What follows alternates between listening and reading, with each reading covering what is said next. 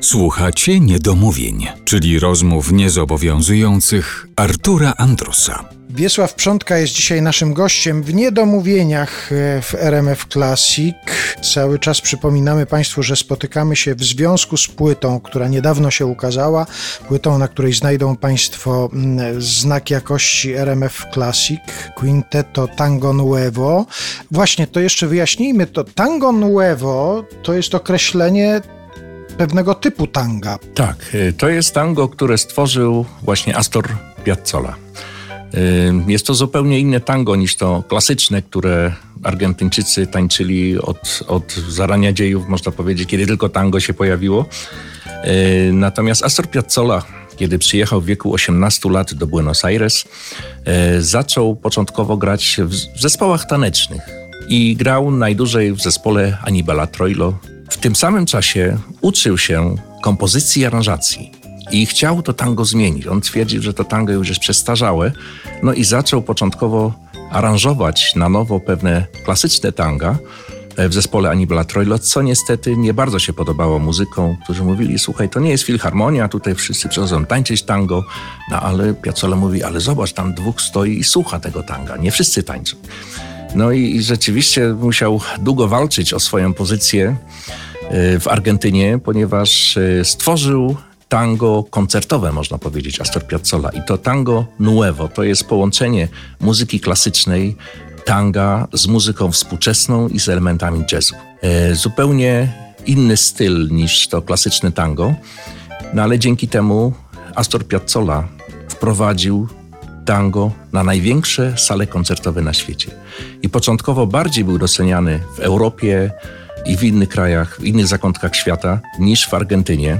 Dopiero w zasadzie pod koniec swojego życia, kiedy w 1988 roku chyba to było, yy, zagrał koncert w Buenos Aires, na który wyprzedano wszystkie bilety, nawet zabrakło biletów i przyszedł sam prezydent Argentyny, żeby posłuchać słynnego Astora Piazzoli, który zdobył już sławę na świecie, a w Argentynie nie mógł się przebić. Właśnie przez to, że y, Argentyńczycy nie potrafili tańczyć do jego muzyki. Tam zresztą słychać, to również i na naszej płycie, tak często zmienia się klimat. Bo raz jest szybko, raz wolno. Ci tancerze nie wiedzieli, co robić. Oni przyzwyczajeni byli do tego, że tango idzie w jednym tempie. No, dzisiaj już nie dziwi to tancerzy, ponieważ nawet są y, specjalne szkoły tanga, gdzie uczy się właśnie tango nuevo tańczyć. I oni wtedy interpretują muzykę, którą my gramy, powiedzmy, czy tam grał zespół Astora Piazzoli jak się spojrzy na te utwory, które znalazły się na waszej płycie, no pewnie każdy, kto usłyszał gdzieś imię i nazwisko Astor Piazzolla, od razu wymieni na przykład tytuł Libertango. Tutaj tego utworu nie ma. W jaki sposób dobierałeś repertuar do tej płyty? Jakie utwory wybrałeś? Czym się kierowałeś, wybierając te utwory na płytę? No, chciałem, żeby te, żeby te utwory były y, atrakcyjne, różnorodne. A co do Libertango, to celowo nie nagraliśmy tego utworu, ponieważ już wszyscy grają Libertango w przeróżnych aranżacjach, w przeróżnych kompilacjach i na jazzowo, i klasycznie. Także utwór jest naprawdę bardzo ograny. Też nie nagraliśmy Oblivion, bo to do, do tego utworu też y, najczęściej muzycy sięgają.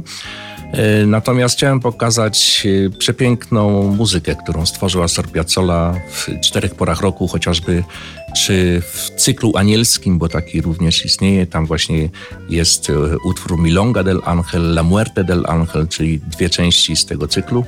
Pory roku też e, nie dawaliśmy w całości, tylko e, nagraliśmy Invierno Porteño i Verano Porteño, czyli zima w Buenos Aires i lato w Buenos Aires. A ile znasz, bo gdzieś znalazłem taką informację, że on około 3000 utworów po sobie zostawił.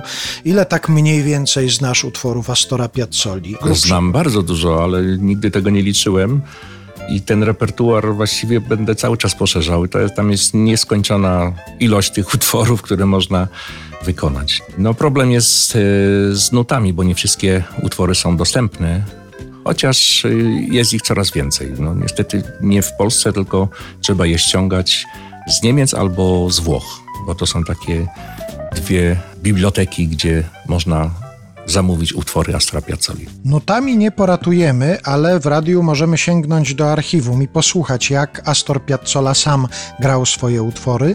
To jest nagranie z płyty wydanej w roku 1961. Płyta nosi tytuł Piazzolla gra Piazzole.